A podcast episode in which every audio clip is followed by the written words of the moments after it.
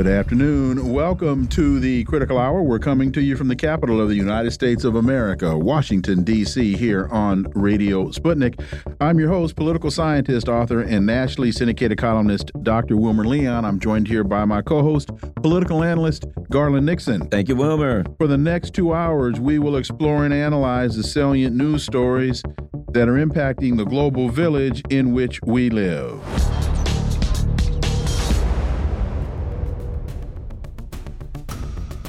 Tucker Carlson interviewed Russian President Putin yesterday. Quote, Yes, I can confirm this, Peskov told reporters when asked if Putin was interviewed. For insight into this, let's turn to our first guest. He's a Moscow based international relations and security analyst, Mark Sleboda. As always, Mark, welcome back.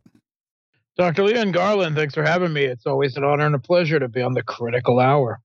Do you have any insight into this? Because uh, a piece in the Washington Post entitled Putin interview with Tucker Carlson shows Kremlin outreach to Trump's GOP. And they state, amongst a lot of blather and foolishness, uh, the Kremlin's decision to allow the interview demonstrated Putin's interest in building bridges to the disruptive MAGA element of the Republican Party, and it seemed to reflect the Kremlin's hope that Donald Trump would return to the presidency and that Republicans would continue to block U.S. military aid to Ukraine. All that's interesting and so called analysis from an interview that, to my knowledge, hasn't been released yet. Mark Sleboda. Yeah, um, I, I think uh, the long uh, history of Tucker Carlson's commentary uh, on the conflict in Ukraine, on the tens of billions, now, well, over a hundred billion U.S. taxpayer dollars that has gone just in the last two years to supporting the regime, have made clear that he's uh, very critical uh, of of it, of of this foreign policy of not just of the Biden administration, but it, it's largely bipartisan. Uh, there are plenty of Republicans uh, in the Senate and even in the House that do uh, support this uh, quite vehemently as well. So, I mean, they know that this is going to be an interview that is going to be far more sympathetic and giving a far more an open platform for Putin to explain himself to large numbers of of Americans and and a global audience as well. It must be said. Uh, because of, of the attention this will draw. And I don't expect that the interview will contain any real new information, right? Uh, Putin will be asked about Russia's, you know, why did Russia intervene in the Ukrainian civil conflict? I'm sorry, why did Putin invade Ukraine to take it over, you know that sort of thing. Uh, you know, the way they narratively spin it, um, uh, and uh, you know what Russia's goals are, and and you know, but he won't. From Tucker Carlson, he won't get questions like, "Why do you eat Ukrainian children for breakfast?" You know, I mean, that's that's uh, will obviously be a more sympathetic ear, and because they're tasty. Risk, yeah. That risks them losing narrative control, right? They are afraid. And the, the amount of censorship across the West yes. in the past two plus years, you know, uh, is is just crazy, right? And they say, you know, it is to uh, stop Russian propaganda. Why? Because they don't trust their own people to hear an alternate perspective of these situations, of this conflict, uh, an alternate narrative, and make up their own minds. They don't trust you enough to hear it. Uh, they are afraid of their own people. They are afraid of facts. Otherwise, they would not be doing this. They don't trust you to make up your own mind.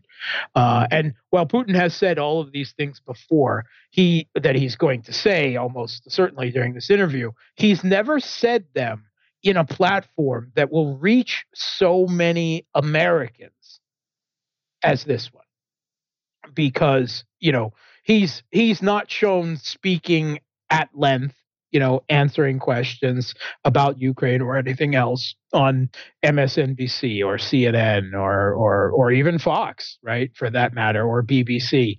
Uh, you know, you don't hear Putin at length in the Washington Post or the New York Times. You see a quote or two that is cherry picked and then ripped apart with you know uh, dozens of paragraphs of narrative spin, uh, and they're very much afraid of this. And this has led to you know the usual typical overreaction. Uh, Newsweek is reporting that uh, uh, Tucker Carlson may be face sanctions mm-hmm. over the Putin, Putin interview, right? Uh, because freedom, democracy, freedom of speech, freedom of political opinion, something like that, right?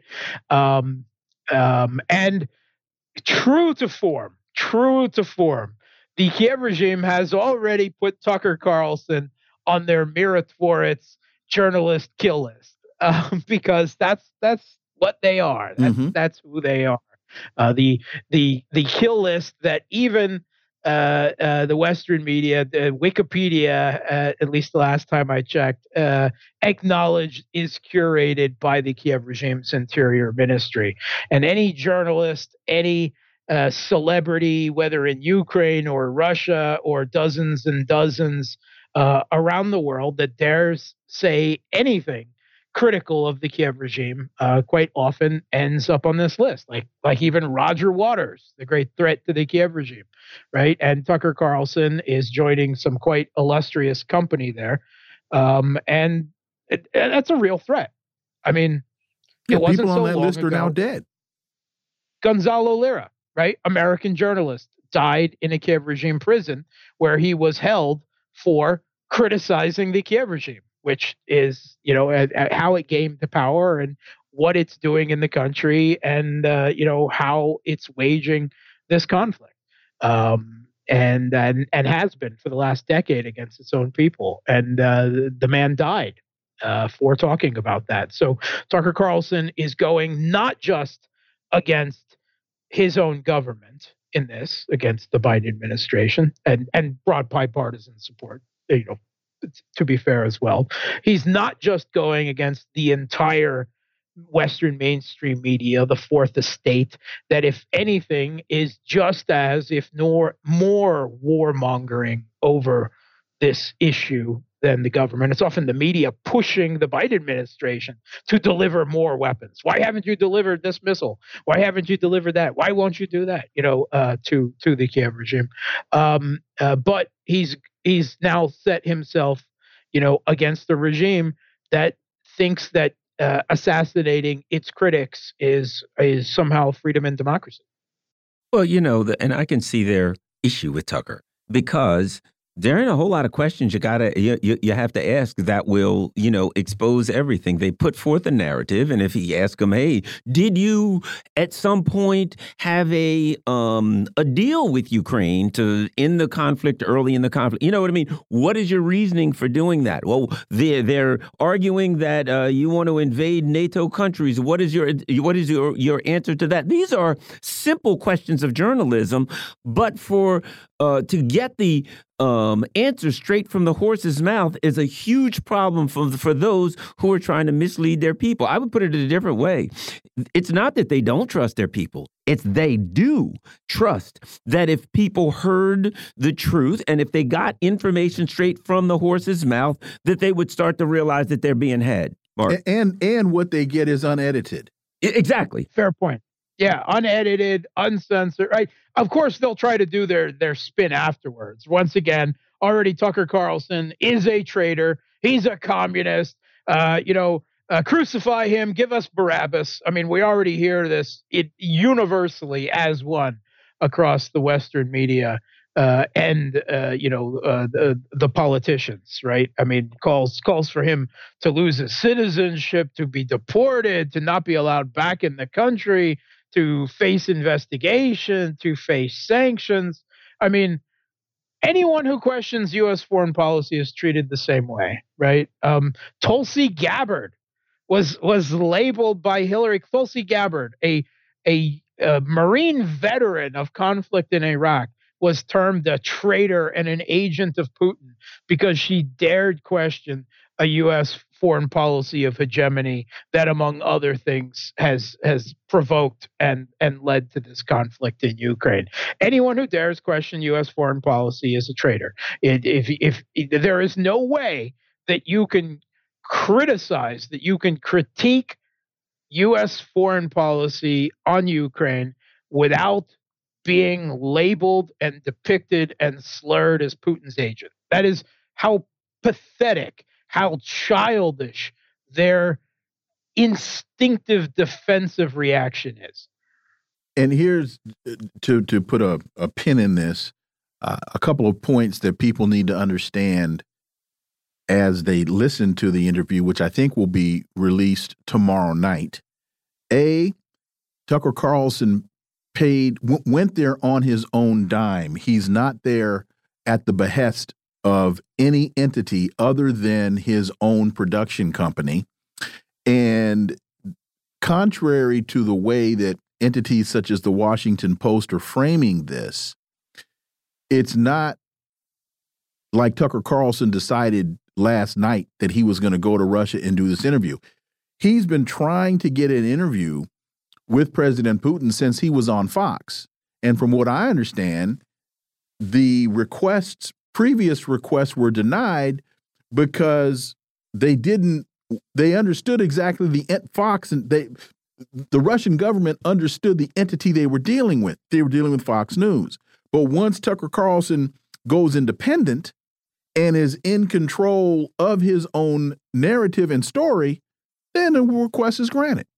So, and Tucker Tucker has also been clear that previous attempts to arrange the interview were um, interrupted because uh, the NSA was wiretapping his computers, illegally wiretapping his computers and leaking uh, information verbatim uh, about his arrangements in an attempt to uh, forestall them.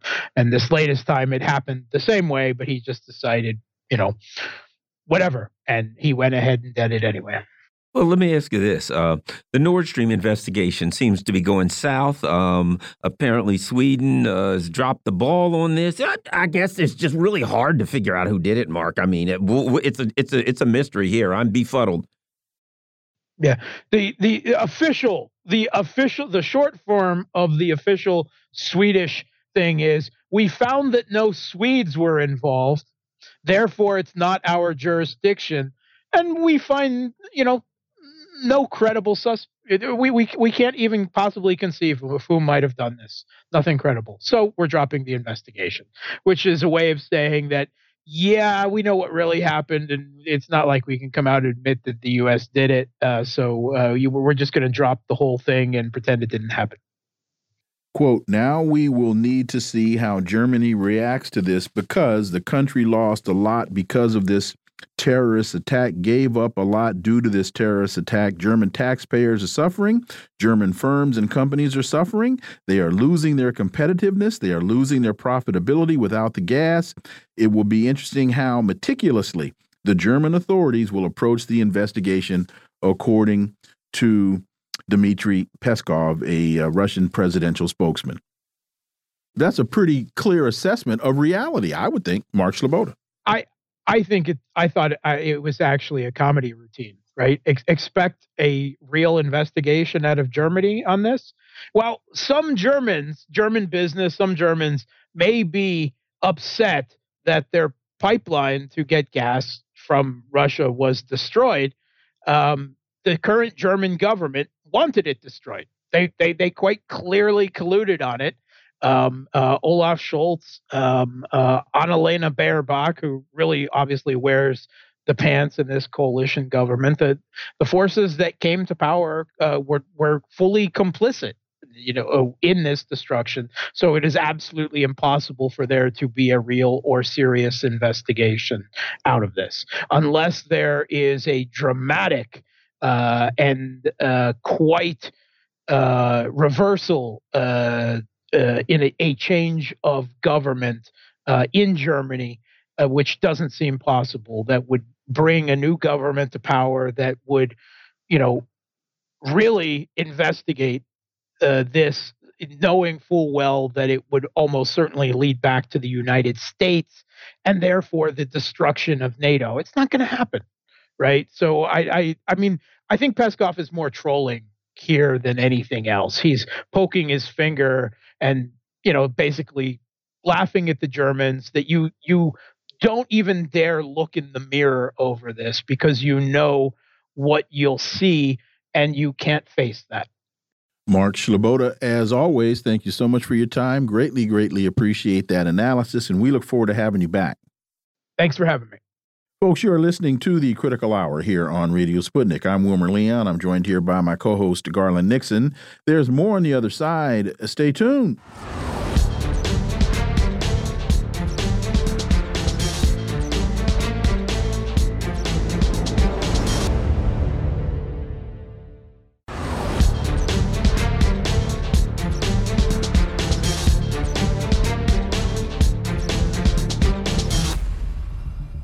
We are back, and you're listening to the Critical Hour on Radio Sputnik. I'm Wilmer Leon, joined here by my co host, Garland Nixon. Thank you, Wilmer.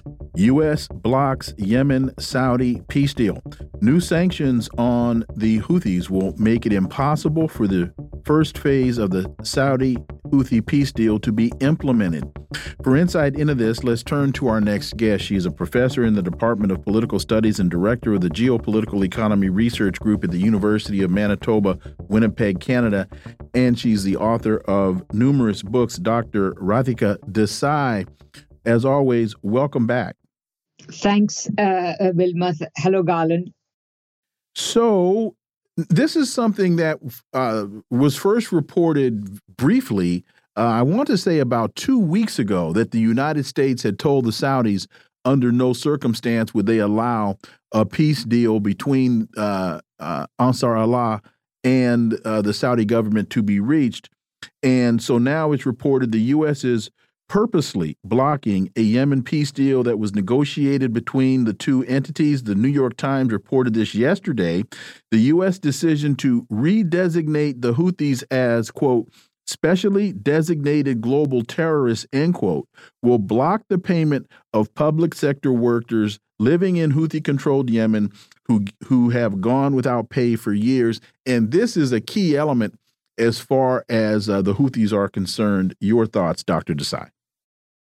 Well, it seems to me that the United States, although the various uh, parts of the administration, including the president, keep saying that they don't want to expand um, the Israel Gaza conflict into a wider Middle East war or a wider war period, everything they do seems to be designed to achieve the opposite result. So, you know, as they say, if it walks like a duck, even if it doesn't talk like a duck, if it walks like a duck, it is a duck. The United States wants more war. I mean, look at also the other side. In the last few hours, we have been reading that the Qataris and, and others have been engaged in uh, brokering a peace deal between Israel and the and, and, and, and, and Hamas over Gaza. And the United States, on the one hand, keeps saying that you know there should be a peace deal. On the other hand, they do nothing when Israel takes a completely unreasonable position and says they are going they they are they're not going to sign any peace deal. They want to exterminate Hamas, which really means, as we all know, they want to exterminate Gaza you know, it, it, it, sometimes I think it's not that they want a, a, wider war. It's that they're so incompetent that they don't have a plan, that they are very reactionary. So something happens, they react. I tend to think their main reason they're bombing Yemen is because it's the only people they can bomb. They don't have much of an air um, defense system. So they're like, who can we bomb that doesn't really have air defense? Okay, we got some small uh, PMUs around, and we've got some, uh, you know, so they're bombing the only people that they can bomb. Uh, it's like Afghanistan it's a it's a country that can only attack villagers in flip flops anymore.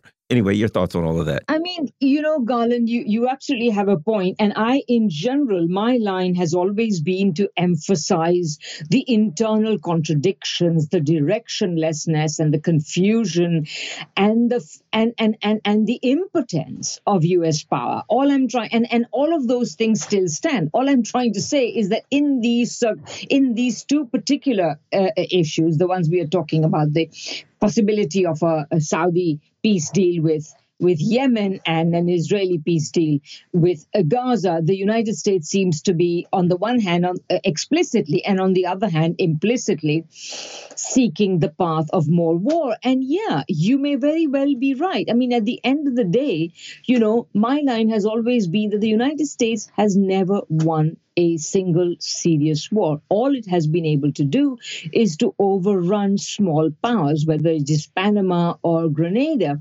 But even with a country like Afghanistan, which is hardly a superpower, it has not been able to prevail. So, uh, so what you say is absolutely also right, and I think we should we should put that into the equation. The United States is essentially a purveyor of chaos around the world. It has no plan. It has no idea. It doesn't know what to do. Well, well, I see, and now I I take a slightly and I and I emphasize slightly different approach to this. And going back to your point, if it walks like a duck, it's a duck. Joe Biden has been very clear, and this is his language, not mine. I am a Zionist. Uh, um, Secretary of State Blinken on his first trip after the uh, attack on October 7th said, I am here not only as the Secretary of State of the United States, I am here as a Jew. Now, we know Zionism and, Ju and Judaism, those two things are not synonymous, but that's the point that Antony Blinken made. So they're doing what Zionists do. You know, I'm I'm left-handed. And one of the reasons why my basketball career never took off was because it got quickly determined I could only go to my left. I can't I can't cross over and go to my right. I can only go left. They're doing what Zionists do. And and and so I don't know how much of this is attributable to stupidity versus how much of this is attributable to hegemonic warmongering Zionism. Well, you know, I have a. There's another thing I'd like to say. You know, much as I I learn a, a great deal from John Mearsheimer. Uh, and Stephen Walt's work, and, and I respect them and I, I, listen to what they have to say. I think they know a great deal, and we all have something to learn from it. But I have to say that my own personal line on this is that, you know, the reason why they keep harping on the Israel lobby, and it's not, I'm not saying it doesn't exist. I totally agree it exists, but the reason to to give it so much emphasis is because if they didn't, then they couldn't explain why their realist perspective doesn't work. And of course, the real reason the realist perspective doesn't work is because it does not take into account imperialism. But let's leave that aside for a moment. So, having said that, I think the reason why, so I totally agree that the Israeli that, that an Israel lobby exists, that it is skewing U.S. policy uh, considerably away from what it would naturally be.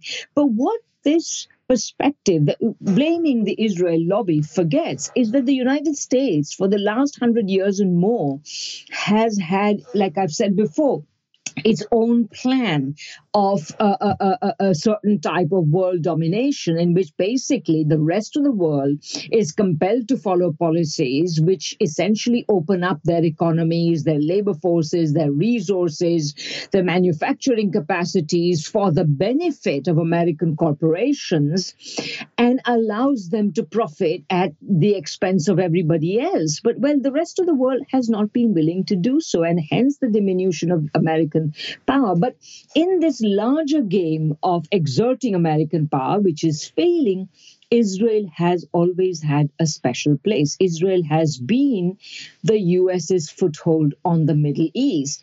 And that is why the United States is reluctant to give it up. Now, I'm not saying that it is it will be it, it, that, that it is sensible for the US not to give it up. No, it what would be the most sensible thing for the US from the point of view of the overwhelming majority of American people would be to give up this completely futile and quixotic imperialist enterprise. That would benefit ordinary Americans more than anything else. And I think, uh, you know, I, am with you because I think I, you know, Mearsheimer and, and et al., they discuss uh, Israel uh, through the lens of viewing it as a country, like an independent, a separate country, an ally. I view it like Alexander Haig he who said it's our unsinkable aircraft carrier. I view it like Joe Biden, who said if Israel did not exist, we would have to create it in order to address our uh, interests in the region. I see it as an imperial military outpost. When you view it through that context, you get to the U.S. doesn't. I mean, look, it's a military base. From their perspective, somebody attacked our military base. Your thoughts? You know, this is so interesting because, of course, the same thing has been said about Taiwan. So, you know, the expression mm-hmm. USS Taiwan the is Philippines. quite um, widely used. And of course, that goes for practically every other country that has been a essentially a US cat's paw in a region. So it goes for Taiwan, it goes for South Korea, it goes for Israel. It is goes and it goes for the Philippines. For Ukraine. And what happens to all these countries? Their own politics are skewed by the uh, by U.S. imperatives. So today, and and and what that does is it actually endangers them far more than securing them. So that is where how you've got you know essentially the U.S. fighting Russia to the last Ukrainian, and the U.S. will do the same. They will fight uh, China to the last Taiwanese. It will fight uh, uh, uh, uh, North Korea to the last South Korean, etc., etc. And this is, you know, I really wish that there were uh, that, that, this could become plainer for ordinary people in these countries to see. And by the way, I, I, I shouldn't say I, I think it, it is becoming plainer. Say, for example, in the case of Taiwan, certainly, and I would say there are also large constituencies in South Korea which would probably agree with what I'm saying. A final point ousted three times before, Pakistan's uh, Nawaz Sharif may get another shot. When Pakistanis uh, head to the polls tomorrow, it will be it would be a surprise if former Prime Minister Sharif, who recently returned from exile, did not emerge victorious. If you could speak to that also in the context of Imran Khan.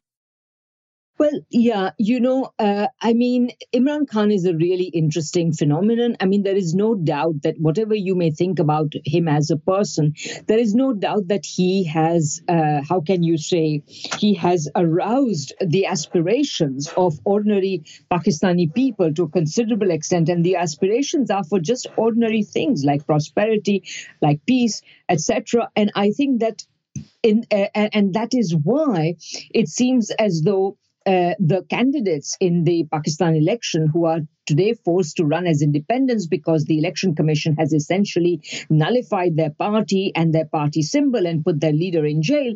Well, tomorrow, one of the things to watch for will be to what extent will um, the uh, uh, will the people uh, have voted for these independents? And also remember that the Nawaz Sharif government uh, which seems everybody says is cruising to victory or, or, sorry let me rephrase that the Nawaz Sharif party which seems to be cruising towards victory it has historically been the most pro US party. So uh, clearly what the way i read all these elections because quite frankly no one in pakistan um, uh, will be unaware of the way in which the United States has used that country. I, I never fail to remind people of Tariq Ali's uh, famous expression that Pakistan is the condom that um, uh, the United States used to enter Afghanistan. So, if this is the way, you know, this is another instance of a U.S. ally, quote unquote, being completely abused by the United States. So, what I'm trying to say here is that. Uh, as we uh, try to understand the elections and the election results that take place tomorrow, what we have to understand is that a large part of what we will be hearing is Pakistani or ordinary Pakistani people trying to essentially navigate a, a, a, a, way uh, towards some sort of autonomy, some sort of independence, which for a while it seemed as though Imran Khan represented. And even the Nawaz Sharif uh, uh, party has been trying to make overtures to, towards uh, uh, Imran Khan because at the end of the day, even they cannot deny the way in which Pakistan has been abused, even though they are a pro US party. They have to at least try to show that they will try to make some sort of um, deal with with Imran Khan. So I think that you know we are uh, and we are watching um, an election in a country in which there has been uh, an enormous amount of undue and counterproductive U.S. influence. Uh, U.S. influence has undermined the country, and it is in these circum- very constrained circumstances that the election is taking place. Dr. Radhika Desai, thank you so much for your time. As always, we look forward to having you back. Thank you so much. Folks, you're listening to the Critical Hour on Radio Sputnik. I'm Wilmer Leon. I'm joined here by my co host, Garland Nixon. There's more on the other side. Stay tuned.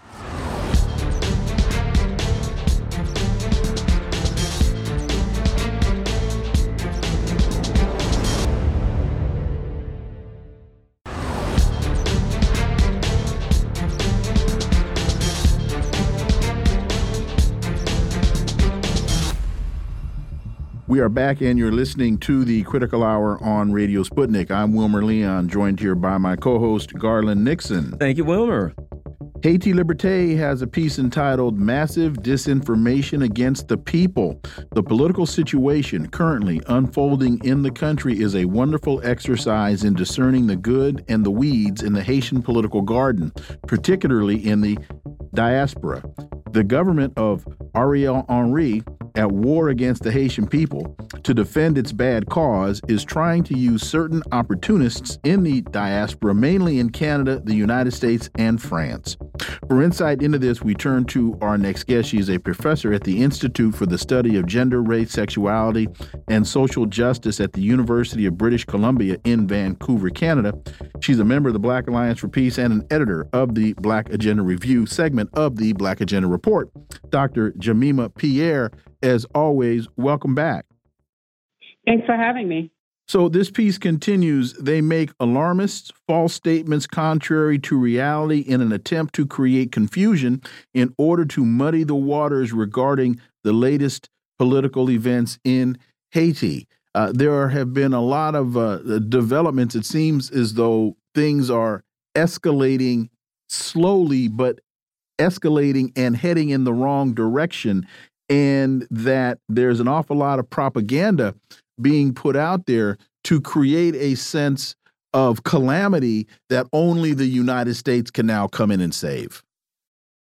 Well, that's always that's been the story with Haiti um, from for, for a long time now. Um, it's, I'm, I'm, I'm glad we're talking about Haiti because today, February 7th, is a very significant day. It's the 30th anniversary where the Haitian people um, got rid of the Duvalier regime, the dictatorship that was uh, in control of Haiti for over 30 years. And this is how, you know, in 1986, the Haitians, um, the U.S. flew him out. The U.S. and France flew him out to his palace in in, in France.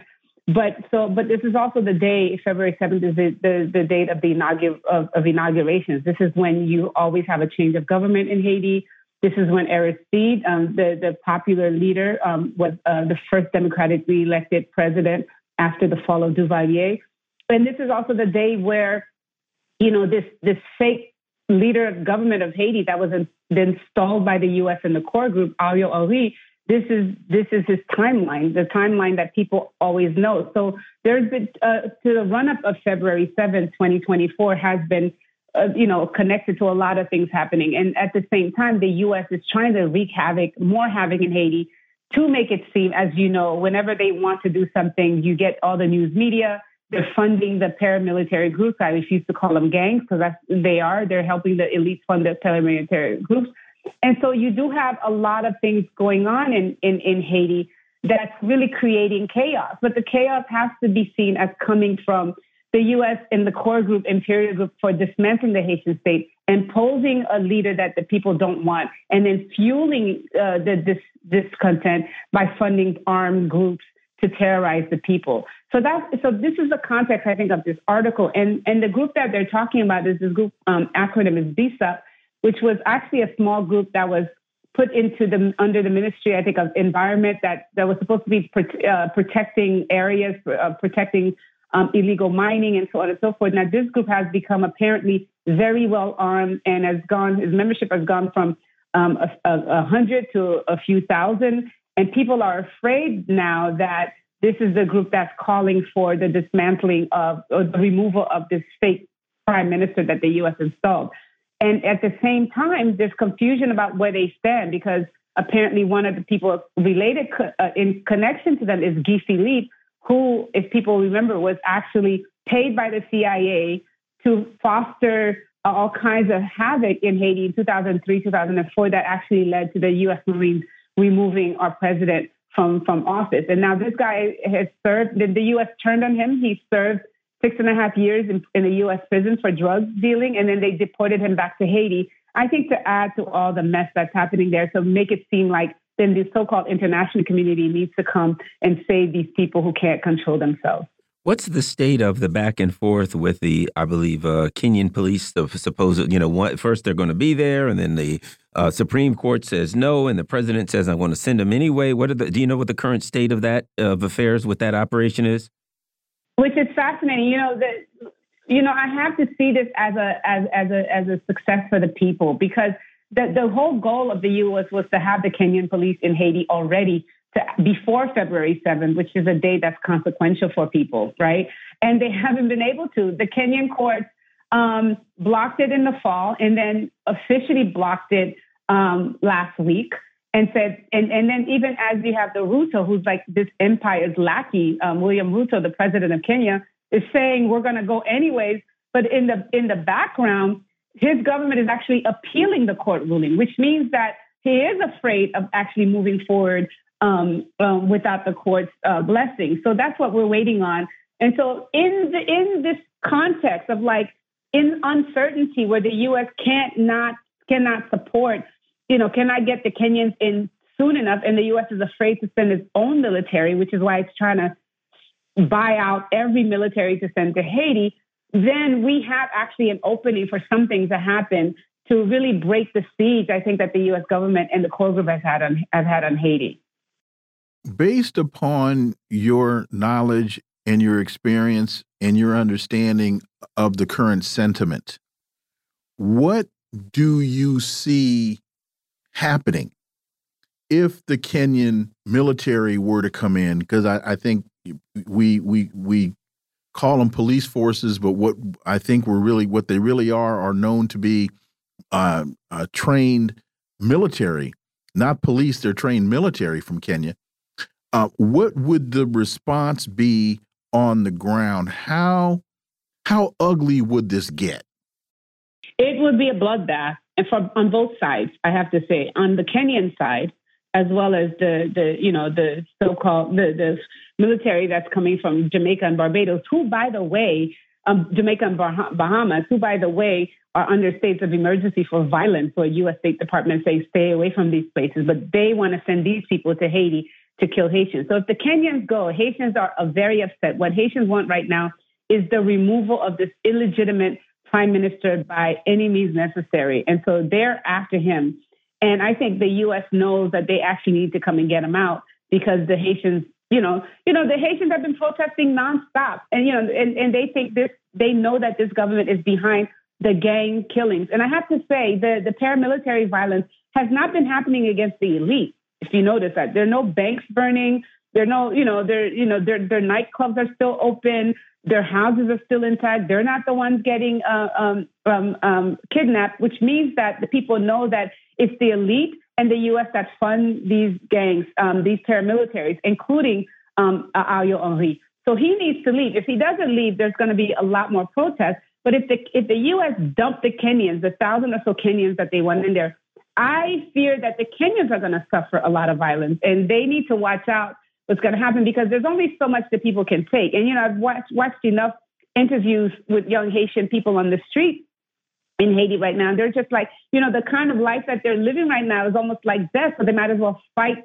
um, you know, to get some kind of dignity back. And so that's what Kenya is going into. They don't know the mess, but the U.S. of course likes to use its proxy. So you know, down to the last Haitian and and and, and anyone else that they want to use to get their their their their their way in in the Caribbean or in Haiti.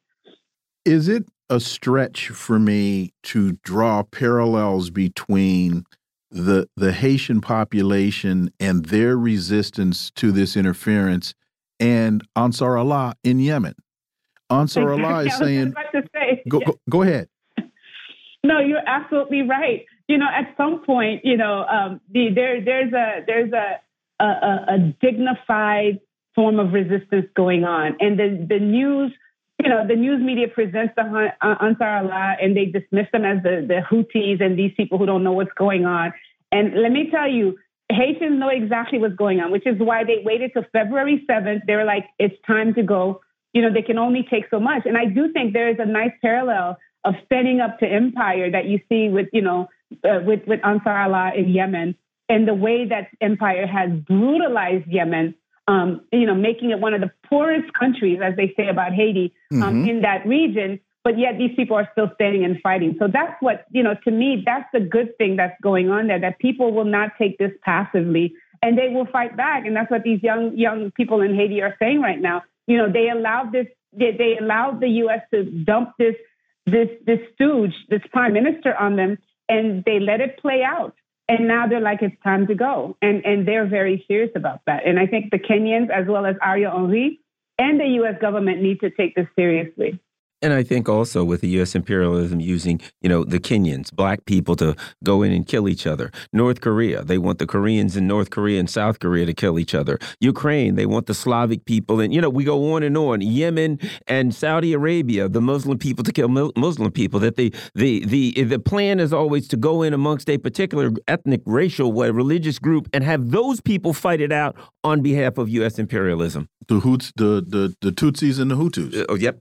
Dr. Pierre. Exactly. And that's how it works, right? So before, you know, they, they learned well, right? Before, you know, there are all these pictures of U.S. Marines in Haiti mistreating people and so on and so forth. Now it's much cheaper, right? Because it's only going to cost them $200 million to get these Kenyans over there to go kill Haitians. It's much cheaper for them, and then they don't lose any soldiers, right? And so, to me, that's the most that's the most disgusting part of U.S. imperialism is this racism, right? The fact that it puts people against, you know, it puts brothers and sisters against one another, and it keep and it pretends to keep its hands clean. But all that's happening is this destruction of a nation, destruction of thousands and thousands of people in their lives, all for us to actually support these fat cats in Washington and and you know and Brussels um, and Paris you know, as they go, they go about their business of making money on, on over, you know, through our blood. And it's, it's really, it's really terrible. And I hope, you know, this is why I think it's important. One of the other articles that I think um, you all wanted to talk about is,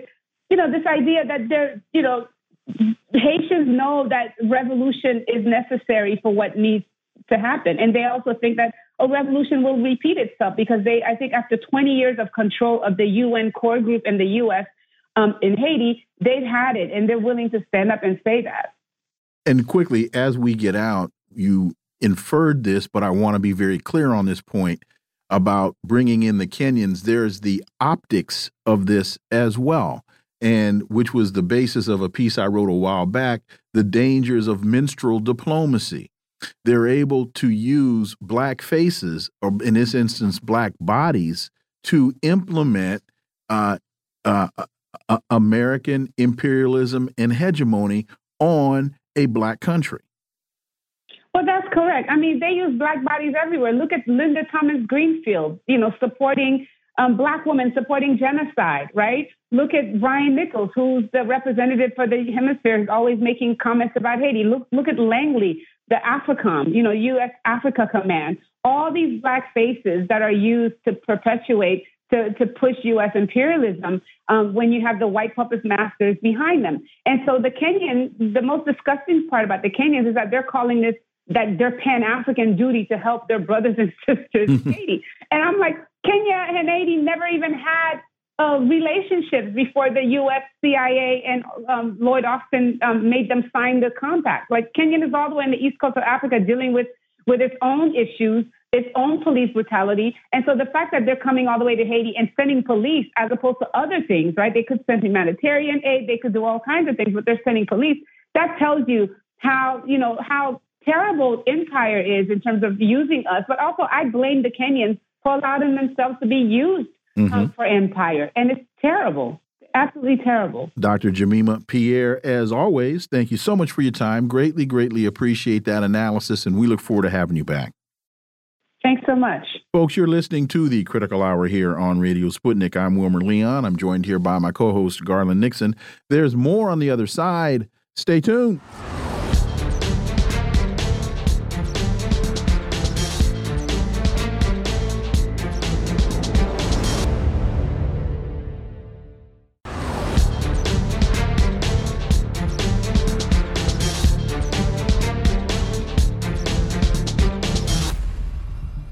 We are back, and you're listening to the Critical Hour on Radio Sputnik. I'm Wilmer Leon, joined here by my co host, Garland Nixon. Thank you, Wilmer. Consortium News has a piece by Caitlin Johnstone entitled The War on Disobedience.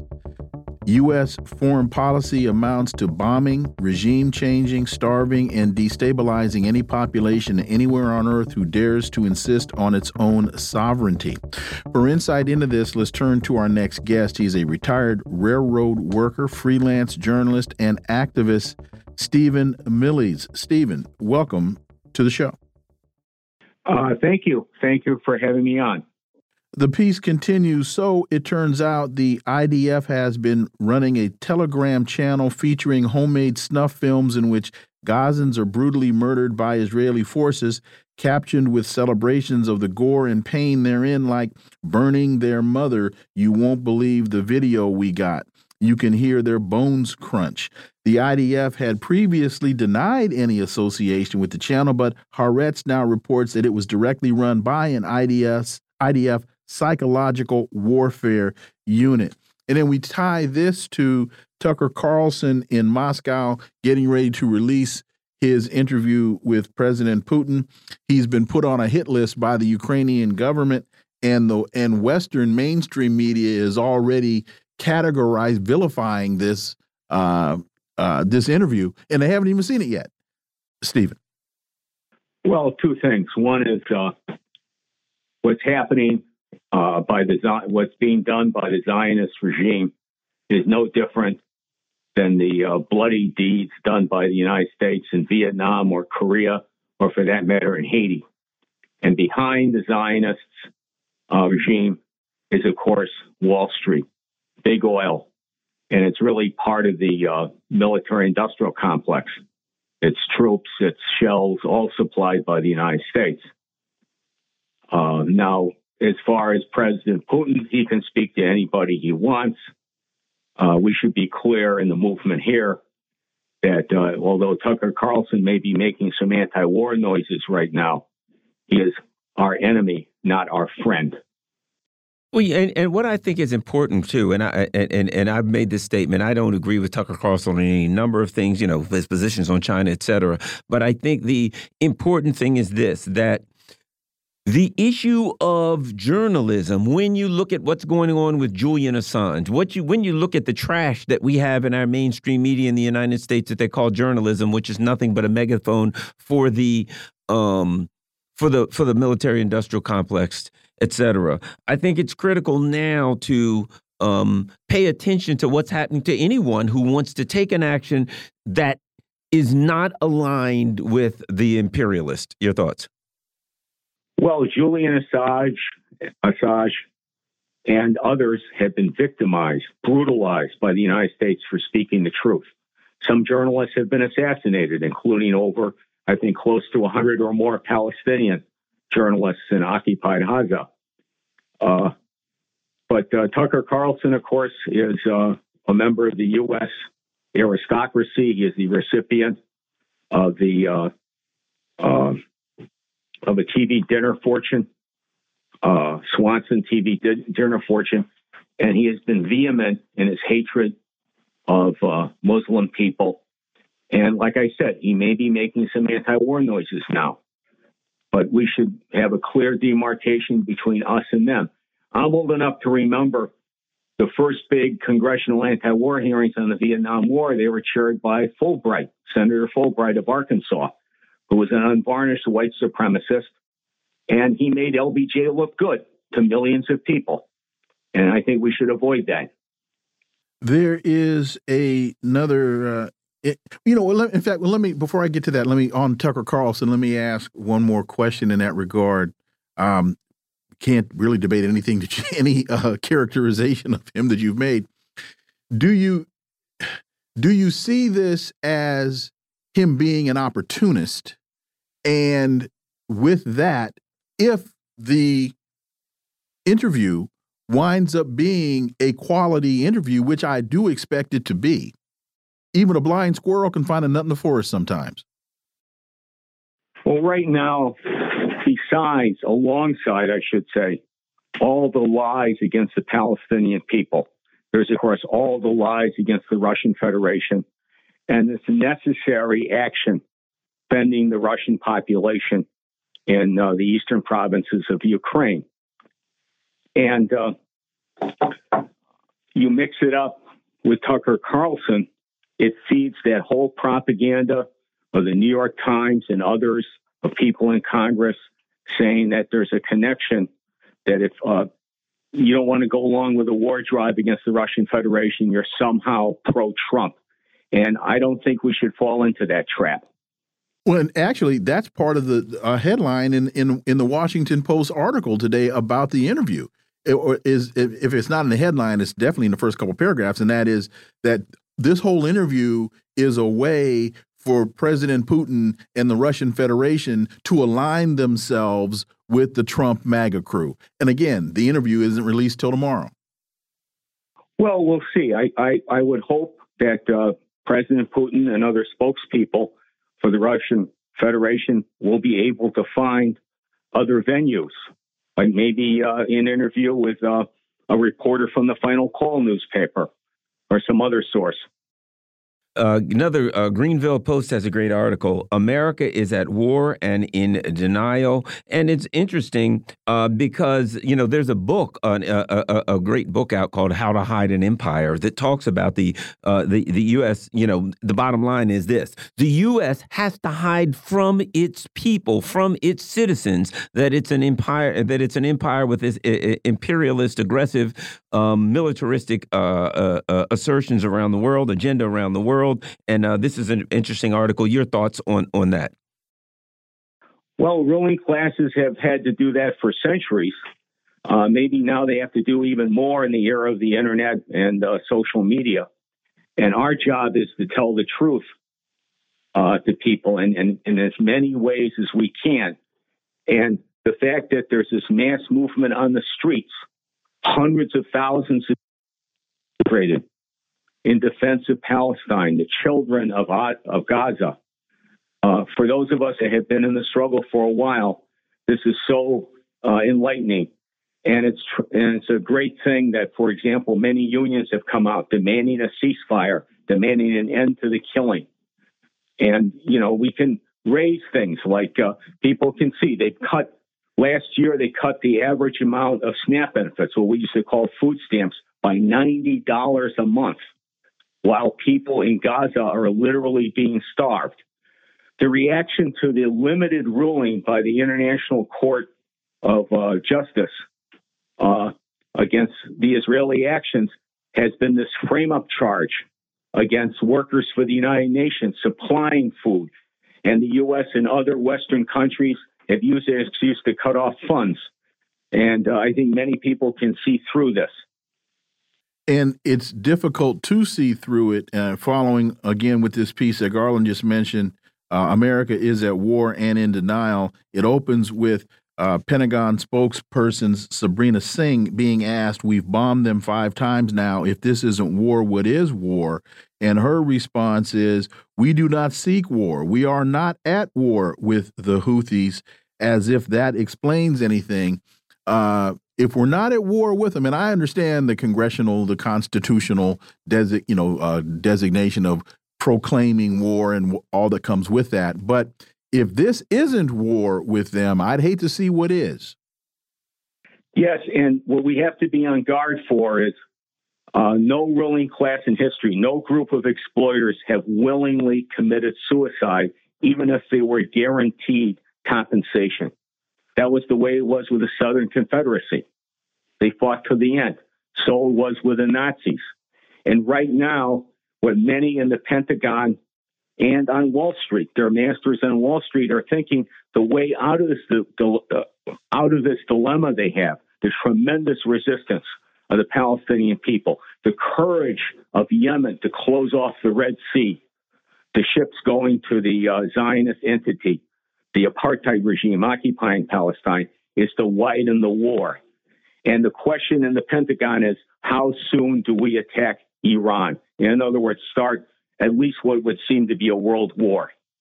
And so your thoughts, because there we hear both. You know, we hear some people say, well, they don't want a war because you know the Iran is an extremely powerful um, uh, uh, military uh, is, is is a very powerful military uh, country in that region. And then other people saying, well, they want the war. What do you think about the two arguments? About the argument people saying, yeah, but they're very powerful. You go to war with them, they could flatten the U.S. bases, close the Straits of Hormuz, uh, crush our economy. Do you think that is something that will make them hesitant? 15 seconds. Well, if, if they closed off the uh, straits, if they cut off the oil supply, that means oil prices will go up. I don't think ExxonMobil is going to shed any tears on that.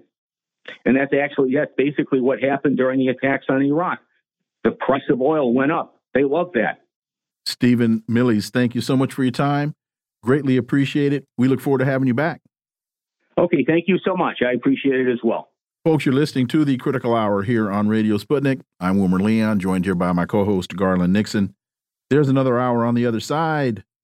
Stay tuned.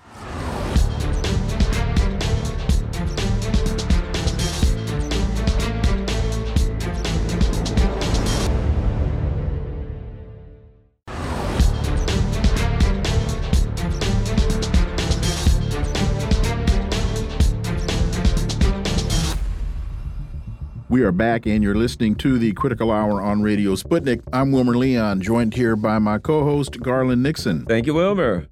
Uh, I read a piece in the Washington Post entitled uh, Putin interview with Tucker Carlson shows Kremlin outreach to Trump's GOP, and it states the Kremlin's decision to allow the interview demonstrated Putin's interest in building bridges to the disruptive MAGA element of the Republican Party, and it seemed to reflect the Kremlin's hope that Donald Trump would return to the presidency and that Republicans would continue to block U.S. military aid to Ukraine.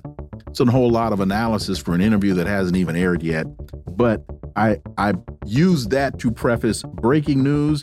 Ukrainians have placed Tucker Carlson on their kill list. For insight into this, let's turn to our next guest. He's the host of AM Wake Up and Slow News Day, which you can watch live on Rokfin and Rumble and listen anywhere podcasts are served. Steve Poikonen, as always, Steve, welcome back. Great to be back, gentlemen. Thank you. So there now seems to be the, the, let, me, let me put it another way. The furor around this interview is growing uh, exponentially. And again, the Washington Post has provided, I guess, what they would call analysis of an interview that hasn't, it won't air till tomorrow night. And uh, at one point, Tucker Carlson was saying he was hoping to be able to interview uh, the Ukrainian president, but now he's on a hit list by the Ukrainian government. Steve Poikonen. I I had thought that he was on the Mirovets kill list that was circulating a couple of years ago at the early onset of the war, but I may be mistaken about that. I may be. I, it, it doesn't surprise me that this is the official Ukrainian position. It doesn't surprise me that this is the Washington Post position. I personally think this has more to do with elevating Tucker Carlson's status as one of the principal figures in the new mainstream alternative media uh, more than anything else. And that's not to say that you shouldn't interview world leaders, that people shouldn't have the opportunity to have, hear the perspective uh, of people that are otherwise demonized in the mainstream media. Uh, I just, I, uh, I'm a little bit more suspect uh, of the actual motives behind it than the histrionic or incredibly surface level analysis that some organization like the Washington Post is going to give. Let, let, me follow up uh, to that because one of the questions that I asked our last guest, and I don't know if you heard the question, was Do you think that this is uh, Tucker Carlson being self serving? So, who are you assigning this intent to? The analysis of the Washington Post or Tucker Carlson's uh, interview? Well, I think the I think the it's self-serving for Tucker Carlson to go do this. I think the analysis that we're going to receive, especially the the pregame coverage that the Washington Post is giving there, is absolutely preposterous. They've somehow made both Putin and Tucker Carlson the ambassadors of MAGA, uh, and that on its face is pretty ridiculous. You can tell they're desperate to remind everyone of the Russiagate nonsense because they've still been able to somewhat capitalize on it. But I don't think that it has anything to do with Donald Trump. And I think that it has, uh, it, it, I'll, I'll be generous. I'll be generous. I think it has about the same amount uh, to do with informing the American people from a perspective that they're not used to, as it does with the advancement of Tucker Carlson's newfound status in the mainstream alternative media. Okay, uh, I, I, here's the position I take. I'm able to separate those things. Number one, why did he do it? Right. Number two, what did he do? So my focus is not why. And number three, how did he do it? Right. So number one, I can say this, even if he did it for all of the most self-serving reasons, terrible reasons, and I can say, oh, he did it, I still want to see the interview. And I still want to in, listen to the interview. I want to hear what are the questions? Are they good questions? What is the answer? Do I learn anything from the answer? So, what I tend to do in an instance like this is yes, I will take into consideration all the potential um, uh, uh, self serving or otherwise, understanding that that's speculation. I can't read the guy's mind, but I can speculate as to, as to, why he or not he did it. But at some point, I put a wall up and say, now there is an interview. And as a journalist, I got to look at that interview and I got to review what's being said. And, and I, in my opinion, the questions are are going to tell me a lot mm -hmm. because what are the questions? Uh, to me, the obvious questions are would work like this the narrative is that you invaded for this or that. What's your answer? Uh, the narrative is you're planning on attacking NATO. What's your answer? If there are really quest questions that these are the narratives, lay it on the line what you have to say. I'd say that's a great interview. And I really wouldn't care if he did it for all of the worst reasons in the world because the outcome that I would get would be of benefit. And because the there is an adage that I believe is true. If his motivations are as self serving as many people attribute them to be, you can do well and do good at the same time. So, to your point, you can be as self, the whole thing could be nothing but a Tucker Carlson personal attempt to make him the king of media in the West. Okay, is it a good interview? Exactly. Is That's what I want to know. Okay, your thoughts. And yeah, what do we get from it? Anyway, yeah, Steve. You can do well and do good at the same time. Oh yeah, without a doubt. And I'm not I'm not trying to say that that journalists shouldn't try to go get the biggest interview of their career for, you know, unselfish reasons along with all of the other reasons. That's why we have you on. Exactly. That's why we reach out to Steve up. Granted, uh, you know, we're not doing it for the right reasons. We're trying to ride off of your coattails, but hey, we still get to get on an interview, dude. But I mean, but I mean, no. So let's you know let, let's let's not get it too mixed up there. But I, look, he the when it comes down to it, is he going to ask him? The narrative is on, on our side that you're an anti-globalist who is out here fighting not only uh, against uh, encroachment on your borders, but also against uh, the things that you talk about, like the World Economic Forum and all of that sort of stuff, and this this sort of like global wokeism that you've been speaking about for years. Why are you then aligned with all of the UN and the WEF's 30 for 30 goals? Why do you have an equal, if not more massive, uh, biosurveillance structure in your country? So it will be interesting to see where he goes. And it'll also be interesting to see if the Washington Post will be able to, based on the questions, frame it as, oh, these guys are just ambassadors for Donald Trump. Now, I'll say this I wouldn't ask those questions, and I'll tell you why. Because it would really be a very narrow audience that would hear those questions. Most people would say, huh? What? The who, the what, the what? Now, they're good questions for you and I.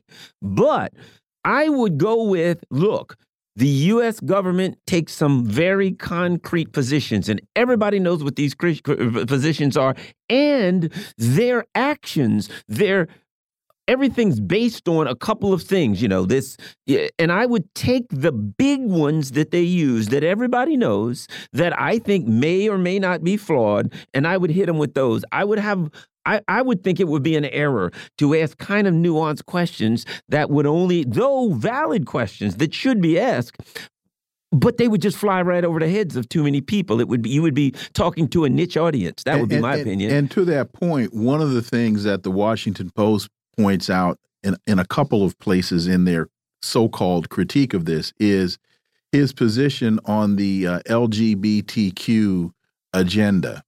And they they bring that up in this article as a way, I think, of using so-called wokeism and try, you know, and accusing him of being anti. And whereas he's been very clear, you in the West do what you want to do we're going to run our culture and our society the way we want to run it. And so he's not, as I interpret that, he's saying your values are your values and our values are our values. And we're going to run our country the way we want to run our country. We don't need you to tell us how to do it, Steve. And it's been the the post USSR Russia's overall philosophy that we're not here to impose our will or way of life or our morality on every other country on the planet. They they've been pretty they and mm -hmm. held to that for the most part. So uh, it, that tracks, and he should be able to say that without massive amounts of pushback from the exact same people who spent the last 20 years telling all of the Republicans that we don't need to march around the world doing wars unless it was their guy marching around the world doing wars. Now, I, am going to say this. Um, you, uh, what are your thoughts on the um, uh, you know, the EU saying we've got to sanction him. Uh, we're hearing people, oh, he's got to be, uh, we can't let him back in the country, et cetera. And I'll say this, and I'm not, again, Carlson is what he is. I, I, I, align that with the Assange stuff. I align that with the um, with the um, Israeli deli Israelis deliberately targeting and killing um, journalists. I see all that as one thing. Do you think I'm wrong for including what's happening, notwithstanding whatever his motives are, in, in including that these attacks on Carlson as part of this whole thing? Let, let me add one thing to that, and I want to be very clear in how I say this. Tucker Carlson has been very clear in that he didn't take any money from the Russian government to do this interview. If he had, even though I disagree with sanctions, I would have a better understanding of the conversation. But when he's doing this on his own dime, he's a journalist doing his job. And when you start sanctioning journalists for doing journalism, then you're now you're right there in the in the in the Julian Assange box. And again, I don't think he should be sanctioned no matter how he got the interview. But I could have a better understanding of the argument if he took money. And as a journalist, I understand why he because he he would right. he could then be accused of oh you're just on their dime and you're being paid to present this particular side of the story. Go ahead, Steve. I, that's a very fair assessment of the situation, Wilmer. And I think that it, you have to look at every single instance of the state abusing its perceived authority or power to interfere with a journal of their action. as part of the whole war on Julian Assange, WikiLeaks, and journalism in general. I don't think that uh, it, it, anyone's opinion of either Julian Assange or Tucker Carlson should factor into this at all. What we're witnessing is multiple, you know, multiple world governments telling people you don't have the right to hear a conversation between two people that we don't like right now.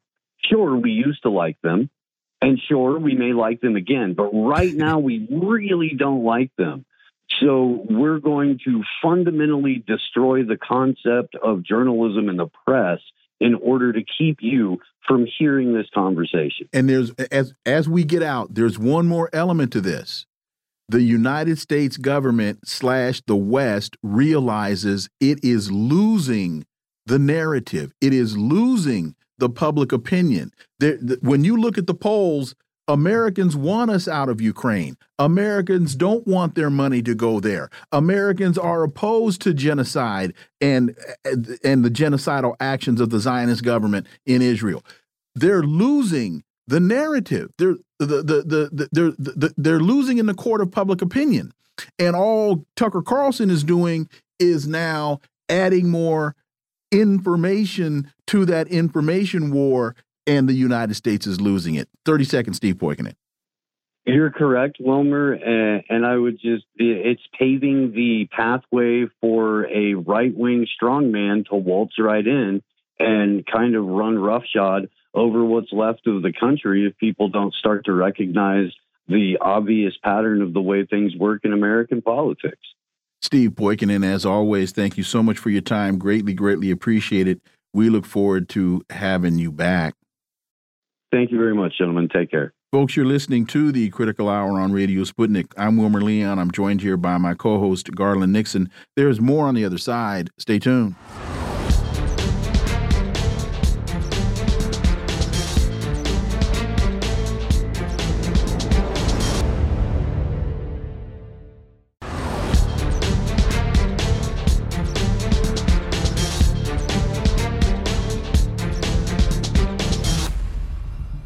We are back, and you're listening to the Critical Hour on Radio Sputnik. I'm Wilmer Leon, joined here by my co host, Garland Nixon. Thank you, Wilmer. U.S. blocks Yemen Saudi peace deal. New sanctions on the Houthis will make it impossible for the first phase of the Saudi Houthi peace deal to be implemented. For insight into this, let's turn to our next guest. He's a journalist, Palestine activist, and author. His latest book is entitled Settler Colonialism in Palestine and Kashmir. Robert Fantina. As always, Robert, welcome back. Thank you very much. So it's being reported that the U.S. is purposely blocking a Yemen peace deal that was negotiated between the Houthis and the Saudis. The New York Times reported this yesterday. But, uh, uh, Robert, this story came out about two weeks ago when when uh, the Saudis first announced that they were on the verge of of uh, coming to a deal, the United States said, if you do that, we will designate the Houthis, redesignate them as global terrorists. You will be sanctioned and you will be in trouble. So now it seems as though the hand is being forced. Robert Fantina. Yes, it is. The United States isn't interested in, in peace in anywhere in the Middle East, but in the the war that has been going on between Yemen and Saudi Arabia, the United States has opposed the uh, Houthis, who are basically running most of the country at this point, and wanted their own hand-picked puppet government uh, controlled by Saudi Arabia to be to be implemented there. Uh, Saudi Arabia decided this was not a good idea. They couldn't win this war. The Yemenis did not want a hand-picked by a foreign government leader, and so they they fought against that. So when it finally looked like there was going to be peace, that this this peace deal would bring a certain level of prosperity to uh, Yemen. It would open uh, ports. The airport would be reopened. Uh, then the United States decided it had to do something about it. And so it uh, drew a monkey wrench in the deal, for lack of a better term, and has now basically prevented it from happening. You know, here's a very telling imperialist um, uh, sentence sentence. A U.S. official told the Times the U.S. would only allow pay the payment of Yemeni salaries, uh, civil salaries if the Houthis chose the path of peace. Here's the thing about it. If, in fact, Saudi Arabia was an independent and sovereign country, and so was Yemen, the U.S. wouldn't be in a position to, quote, allow salaries. So again, we see the U.S. saying there are no independent nations. We, when it comes to Venezuela, we decide whether they can sell their oil. When it comes to uh, the South China Sea, we decide who can have what island, what. It's the same old imperialist saying in imperialism in the Middle East, saying the U.S. controls everything, and no wonder the people in the Middle East want U.S. imperialism to exit. Robert. Yeah, and, and that's exactly right. The United States feels it controls the world. And in this, this sentence that you just read about, the U.S. would only allow payment of Yemeni salaries. Well, as you said, who is the U.S. to allow another country to do anything or not do anything? Uh, the U.S. will not allow uh, Iran to have a nuclear weapon. Who is the who is the U.S. to designate this? Who is the U.S. to, which is the only com- country that's ever used nuclear weapons, to tell another country they can or can't have them? Who is the U.S. to tell to tell any government how to run their government, how to how to pay salaries and so on. But that, this is the old model that the U.S. has become accustomed to over the years. Uh, there was a time when the U.S. was the only only powerful country in terms of uh, economics or military on the planet, and it did call the shots. People around the world resented that, and that's why there's so much hatred against the United States.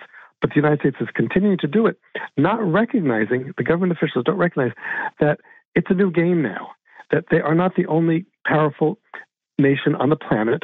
They may still have the most power, but when you when others begin to ally, create alliances with them, with, with each other, it will continue to diminish the the power of the United States. We saw a year ago when Iran and uh, Saudi Arabia reestablished their their ties. Very threatening to the United States. Doesn't want it to happen because that's a powerful bloc. But this idea of allowing payment under some conditions, it's, it's the old imperial model that is not working anymore. Israel says more than a fifth of Israeli hostages in Gaza are dead. Israeli intelligence officials have concluded that more than a fifth of the remaining hostages uh, have been killed.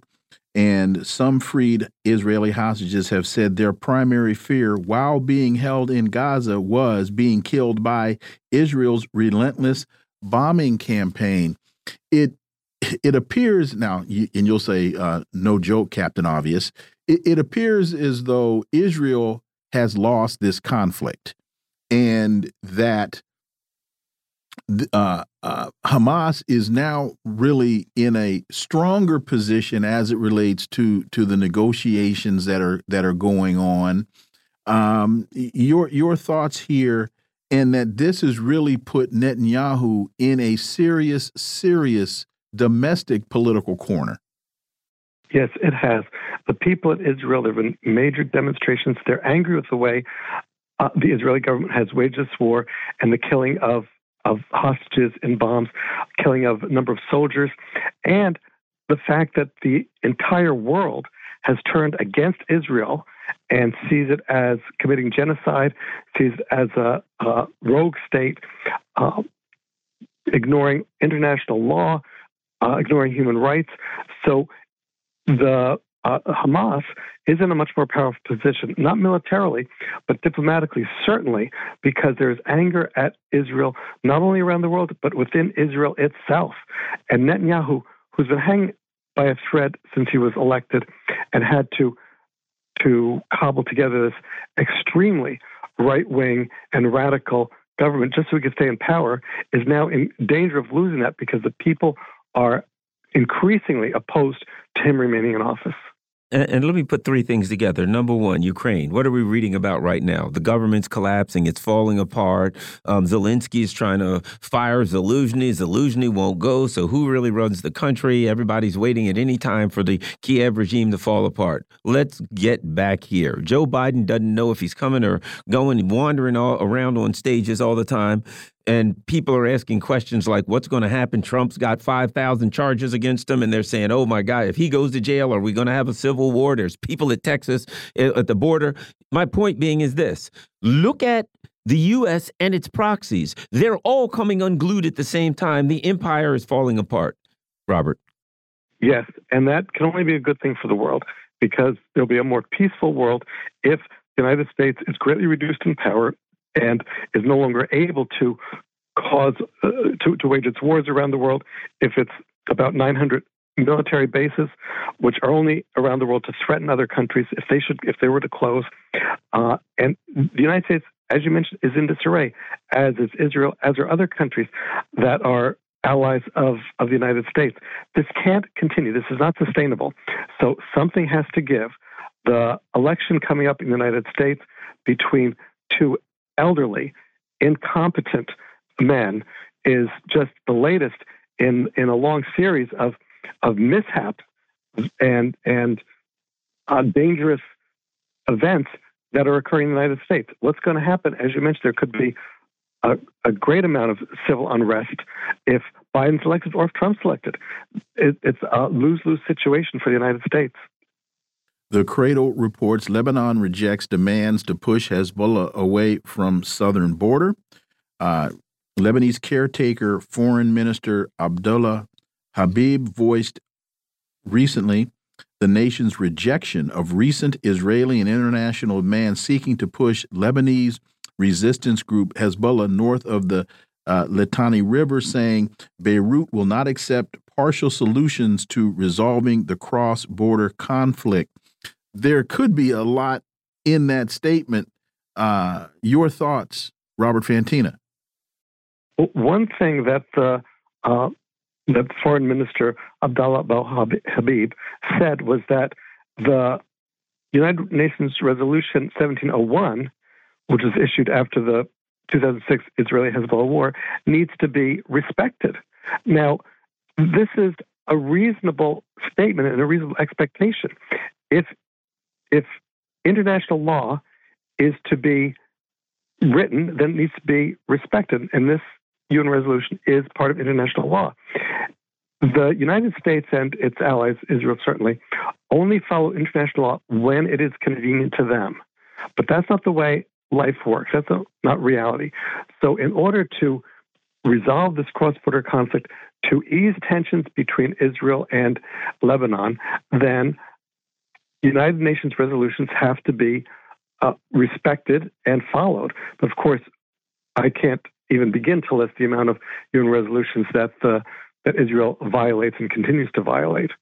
And he also adds that part of a potential deal has to be for Israel to stop the air, land, and sea violations that have exceeded 30,000 violations since 2006.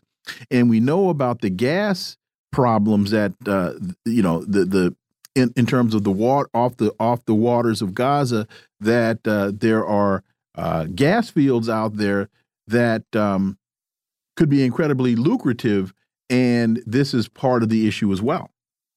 Yes, it is the uh, of course we always look back to the United States, who's always pulling the strings whenever there's uh, major violations of international law, violation of human rights. The United States is always behind it, and the United States loves its oil, and these uh, the natural resources of Palestine. If they can be stolen, the United States is going to steal them, and uh, Lebanon has said that there will be no negotiations with Israel until the genocide in Gaza ends. So they're making very clear that they support Palestine as an independent nation able to determine its form of, own form of government and use of its own natural resources. And, you know, Israel has itself in a jam for all of the talk that it does. They're not having success. You know, recently, I think it was a Sunday morning uh, talk show where there was a general, Pentagon general that said, admitted Israel's having limited success. We know they're taking heavy casualties. We know that they, they've got, they're getting beat up from all around the world, the ICJ, et cetera. They've jammed themselves into a corner and taken Joe Biden with them. And now um, it doesn't appear that they have the, I'll be quite frank, intellectual uh, wherewithal to get themselves out of that corner. They're they're just throwing bad money for good, as they say. Robert. Yes, because they, like the United States, see might makes right. So if they increase their bombing of Gaza, they think they'll be victorious eventually. If they uh, continue to uh, disdain and hold in contempt international law, they'll eventually be able to get away with it. But this isn't working, and anyone, any, any uh, um, objective observer can see that it isn't, and that Israel needs to take a different tone. But uh, Netanyahu, with his rabid right wing cabinet, is not going to do that. Robert Fantina, as always, thank you so much for your time. Greatly, greatly appreciate that analysis, and we look forward to having you back. Thank you very much. Folks, you're listening to the Critical Hour on Radio Sputnik. I'm Wilmer Leon. I'm joined here by my co host, Garland Nixon. There's more on the other side. Stay tuned.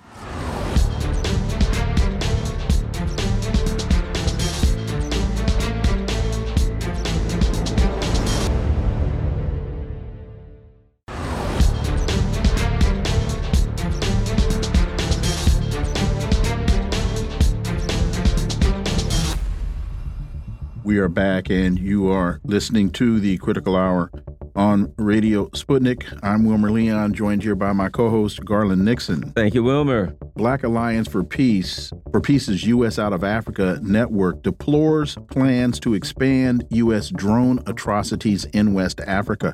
For insight into this, we turn to our next guest. He's the host of Voices with Vision on WPFW 89.3 FM in Washington, D.C. He's a Pan Africanist, internationalist organizer, and member of the Black Alliance for Peace. Netfa Freeman, as always, Netfa, welcome back. As always, it is an honor and a pleasure.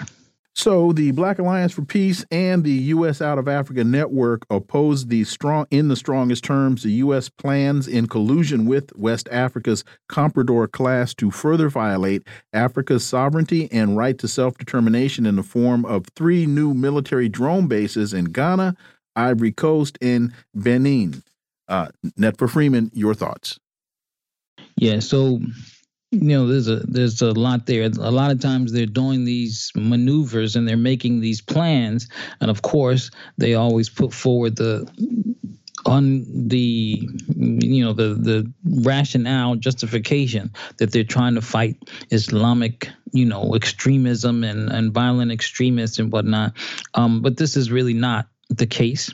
We know that there's a lot of other geostrategic reasons um, for them to be doing this, um, and that the reason that they the reasons that they do claim are nothing that that actually stops and does anything about the situation of, of uh, extremist violence in Africa. I mean, the studies have shown that it actually even uh, instigates and stirs it up and motivates people to join these other groups, and because a lot of them, and I think it was Amnesty International International has done a report.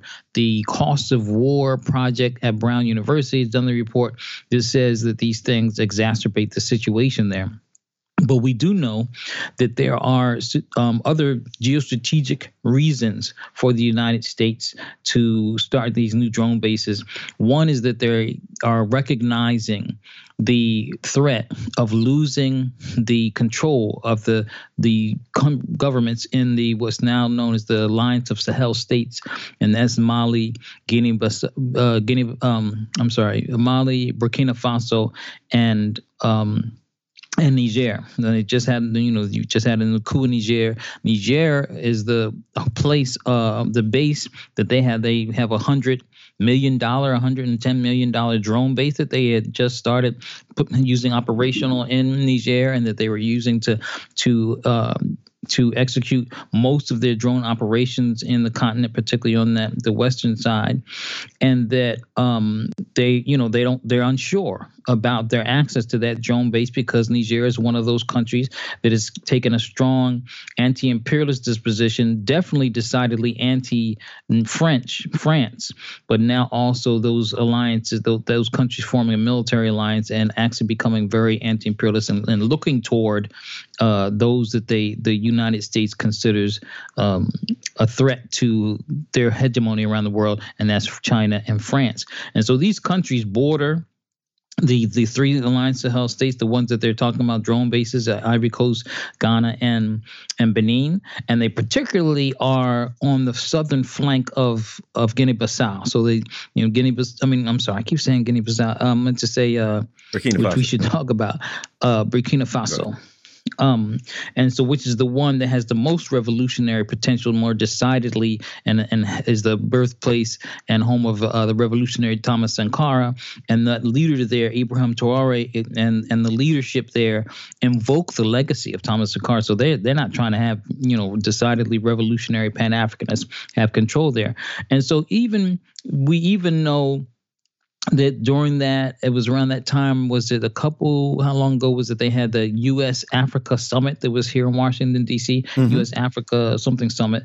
And they sat down with the the com- we refer to him as a comprador because that's what he is the the president of Ghana uh, Nana Akufo-Addo who face to face with Antony Blinken.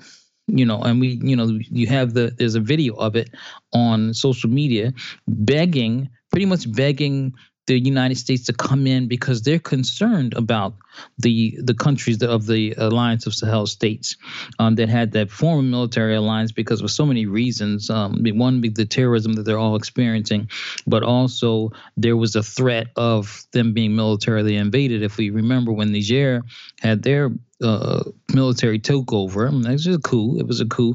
Uh, last was it last summer or when, whenever it was. They there was threat of ECOWAS, the Economic Community of West African States, actually uh, using their troops to go in and restore constitutional you know authority now it should be said and we talked about it on the show before while the states that are the comprador the leadership of the, the of these uh, neo-colonial governments decidedly neo-colonial puppet governments in ECOWAS that are leading ECOWAS are unpopular. Like for example, in in uh, Nigeria and and Senegal and some of these uh, are an unpopular governments.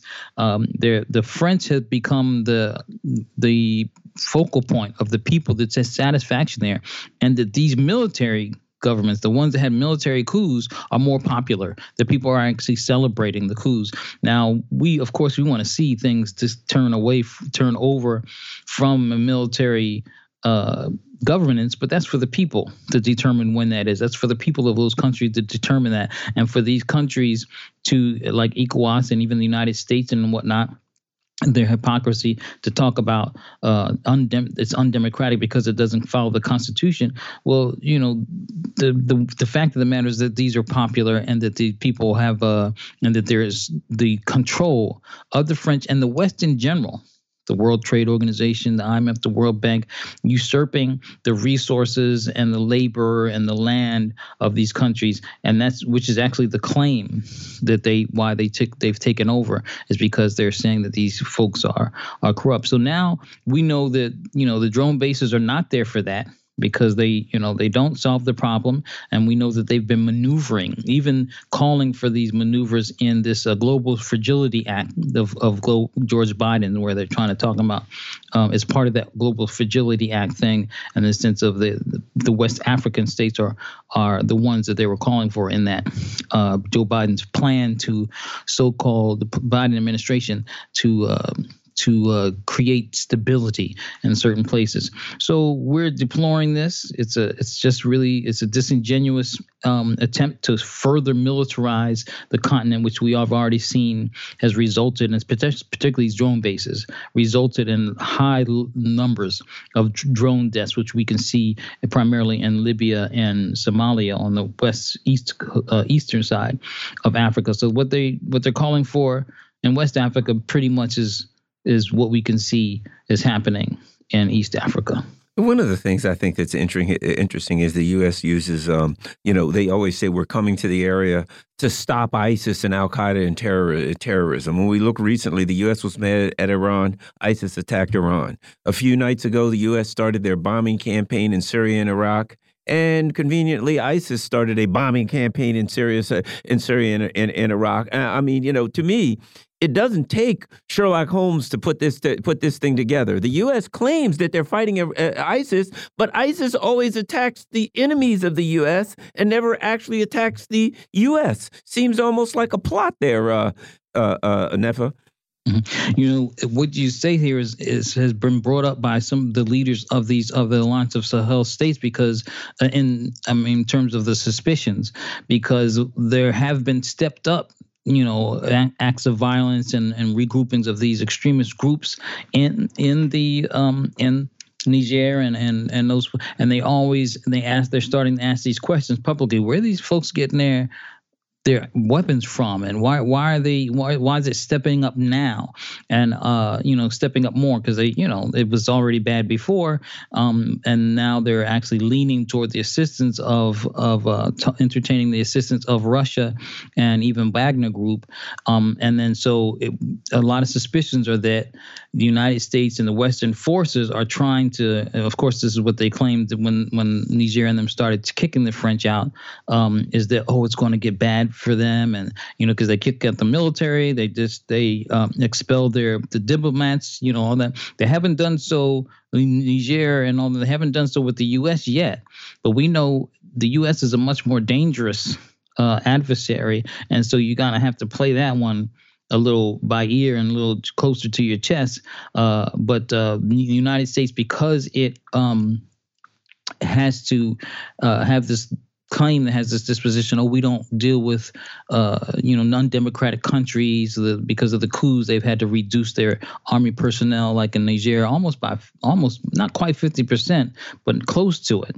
And so just just to feign that they're concerned with democratic process but what they're really concerned with is the um, all the the anti-imperialist disposition the the access to the uranium which is very important for military and and uh, energy and energy, uh, nuclear power plants and things like that. And so, you know, they've been able to get unfettered access to all of this, and Niger provides like five percent of the uranium of the world supply of uranium.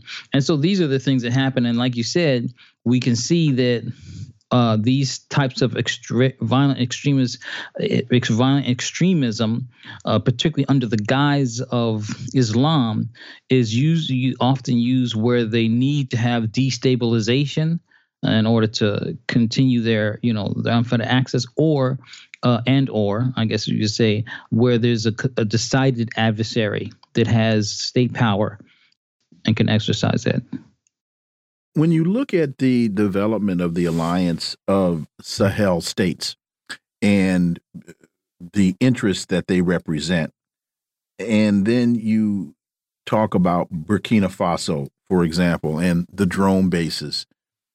Am I wrong to draw parallels between that and Israel within the region of the Middle East in the context of that unsinkable aircraft carrier in the region.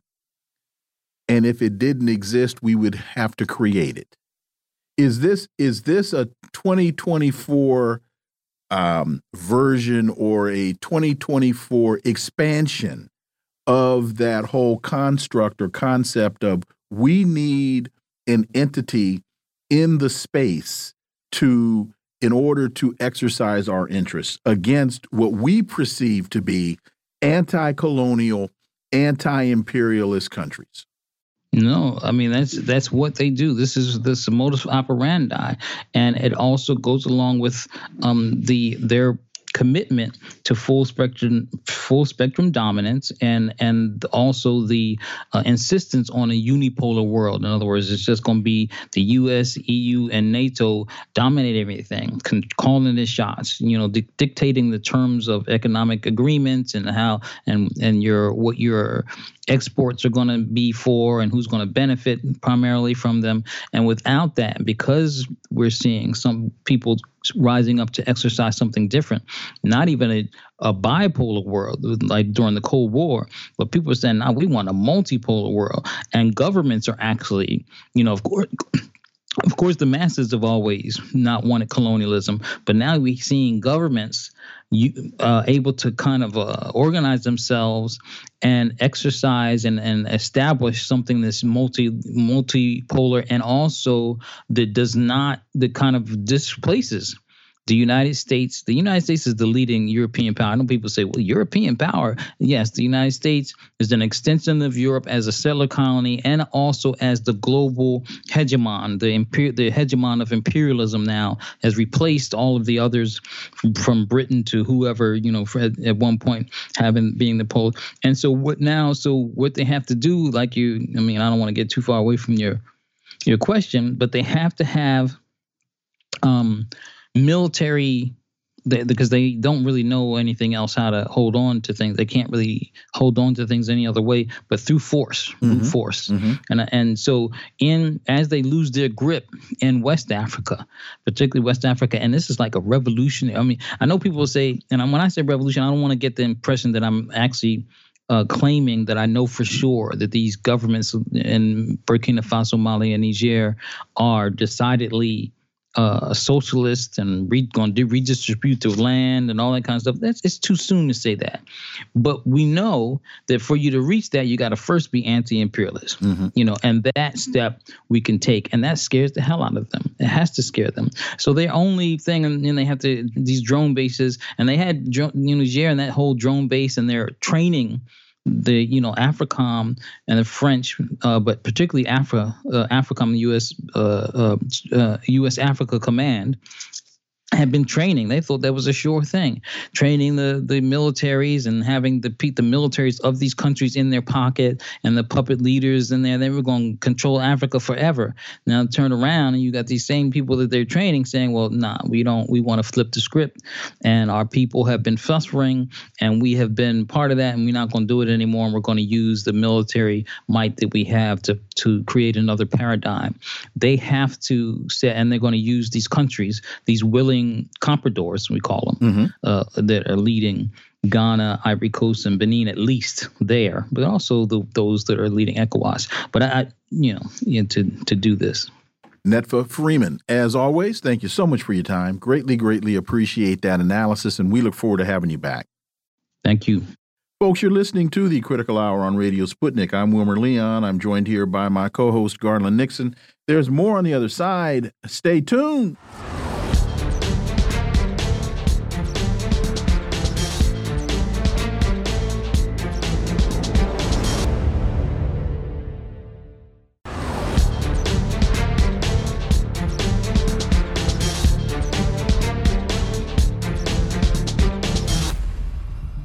We are back, and you are listening to the Critical Hour on Radio Sputnik. I'm Wilmer Leon, joined here by my co host, Garland Nixon. Thank you, Wilmer. There's an interesting piece in Counterpunch entitled Why the U.S. is Reimposing Sanctions on Venezuela.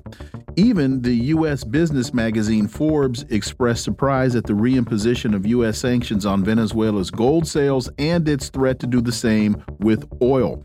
For insight into this, let's turn to our next guest. He's on the board of the Task Force on the Americas. He's a 32 year old anti imperialist, I'm sorry, which is a 32 year old anti imperialist human rights organization, and he's the author of this piece. Roger Harris. Roger, welcome. Thank you. Great to be with you. I've passed my 32 second um, birthday, though. uh, I, I, got you. I got you. And you only look 31. So, man, you, you, you look great.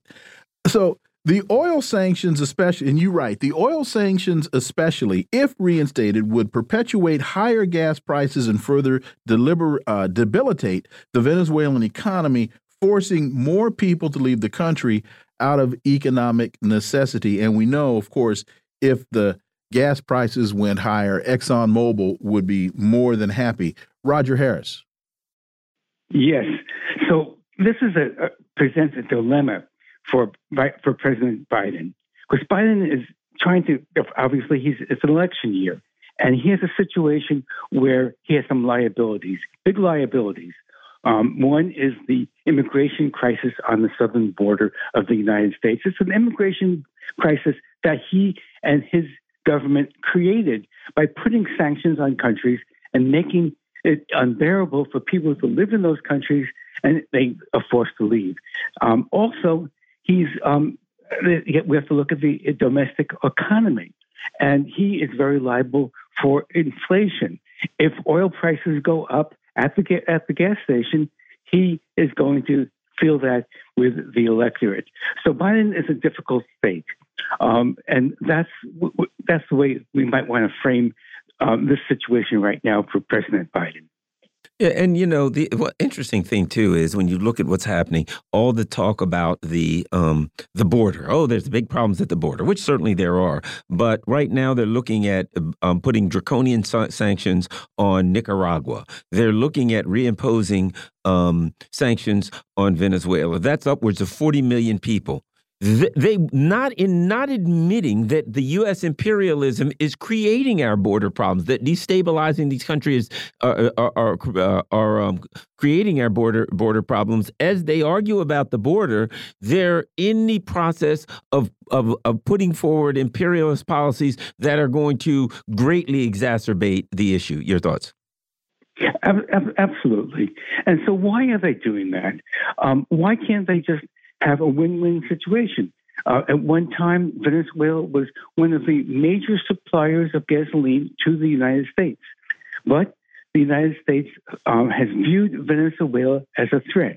And that in 2015, um, President Kennedy um, he declared that the Venezuela is an imminent threat to the national security of the United States.